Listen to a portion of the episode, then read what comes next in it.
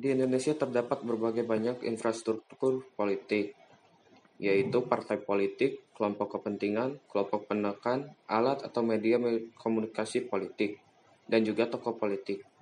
Kali ini saya akan menjelaskan peranan-peranan komponen infrastruktur politik tersebut, yang dimulai dari partai politik. Partai politik merupakan sebuah organisasi atau institusi yang mewakili beberapa golongan masyarakat yang mempunyai tujuan yang sama – yang kemudian bersama-sama berusaha buat mencapai tujuan tersebut. Peranan partai politik contohnya seperti Partai Golkar, yaitu golongan karya. Pada masa Orde Baru ini terlihat sekali terjadinya politisasi terhadap birokrasi yang seharusnya lebih berfungsi kepada pelayanan masyarakat. Jajaran birokrasi diarahkan sebagai instrumen politik kekuasaan Soeharto pada waktu itu. Setiap pegawai negeri sipil, yaitu anggota Partai Golkar, Meskipun pada awalnya Golkar tak ingin disebut sebagai partai, tapi cuma sebagai golongan kekaryaan, tapi permasalahannya, Golkar yaitu kontestan pemilu, dan itu berarti dia adalah partai politik. partai politik juga contoh yang lainnya, partai politik juga dapat membantu masyarakat untuk memudahkan menyampaikan aspirasi masyarakat kepada Dewan Perwakilan Rakyat. Partai politik juga dapat membantu masyarakat supaya dapat lebih mempererat hubungan dengan dewan-dewan masyarakat atau wakil masyarakat. Lalu komponen infrastruktur politik yang, kedua yaitu kelompok kepentingan. kelompok kepentingan adalah kelompok masyarakat yang bergabung untuk membuat kepentingan atau keuntungan bagi warganya. Kelompok ini tempat menampung saran, kritik, dan tuntutan kepentingan buat anggota masyarakat. Contohnya MUI, yaitu Majelis Ulama Indonesia.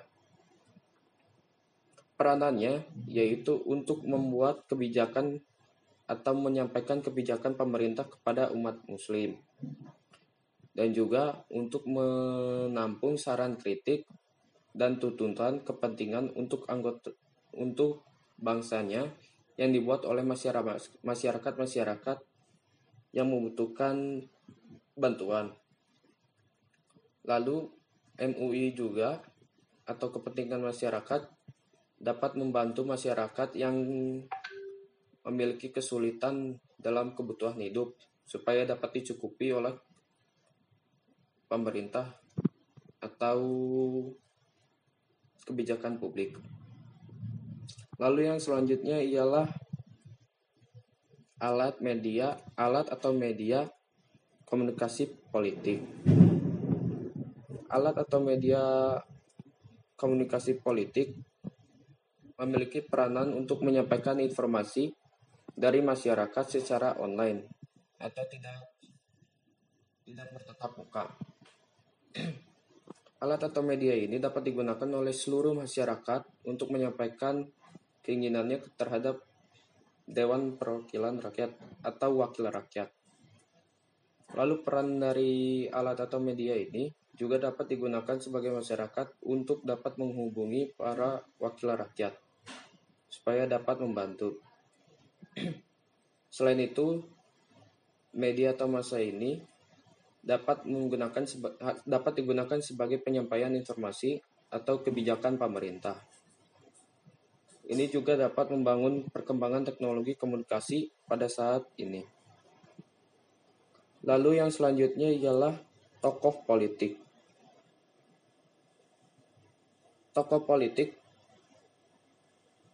memiliki peranan yang sangat penting bagi masyarakat Contohnya, tokoh politik dapat sebagai pemimpin untuk menyampaikan apa yang diinginkan masyarakat. Peranan yang selanjutnya ialah untuk membangun sebuah tujuan yang sama untuk dapat disampaikan kepada pemerintah. Tokoh politik juga dapat menjadi sebuah pemimpin yang baik untuk masyarakatnya supaya dapat membangun kerukunan yang lebih baik.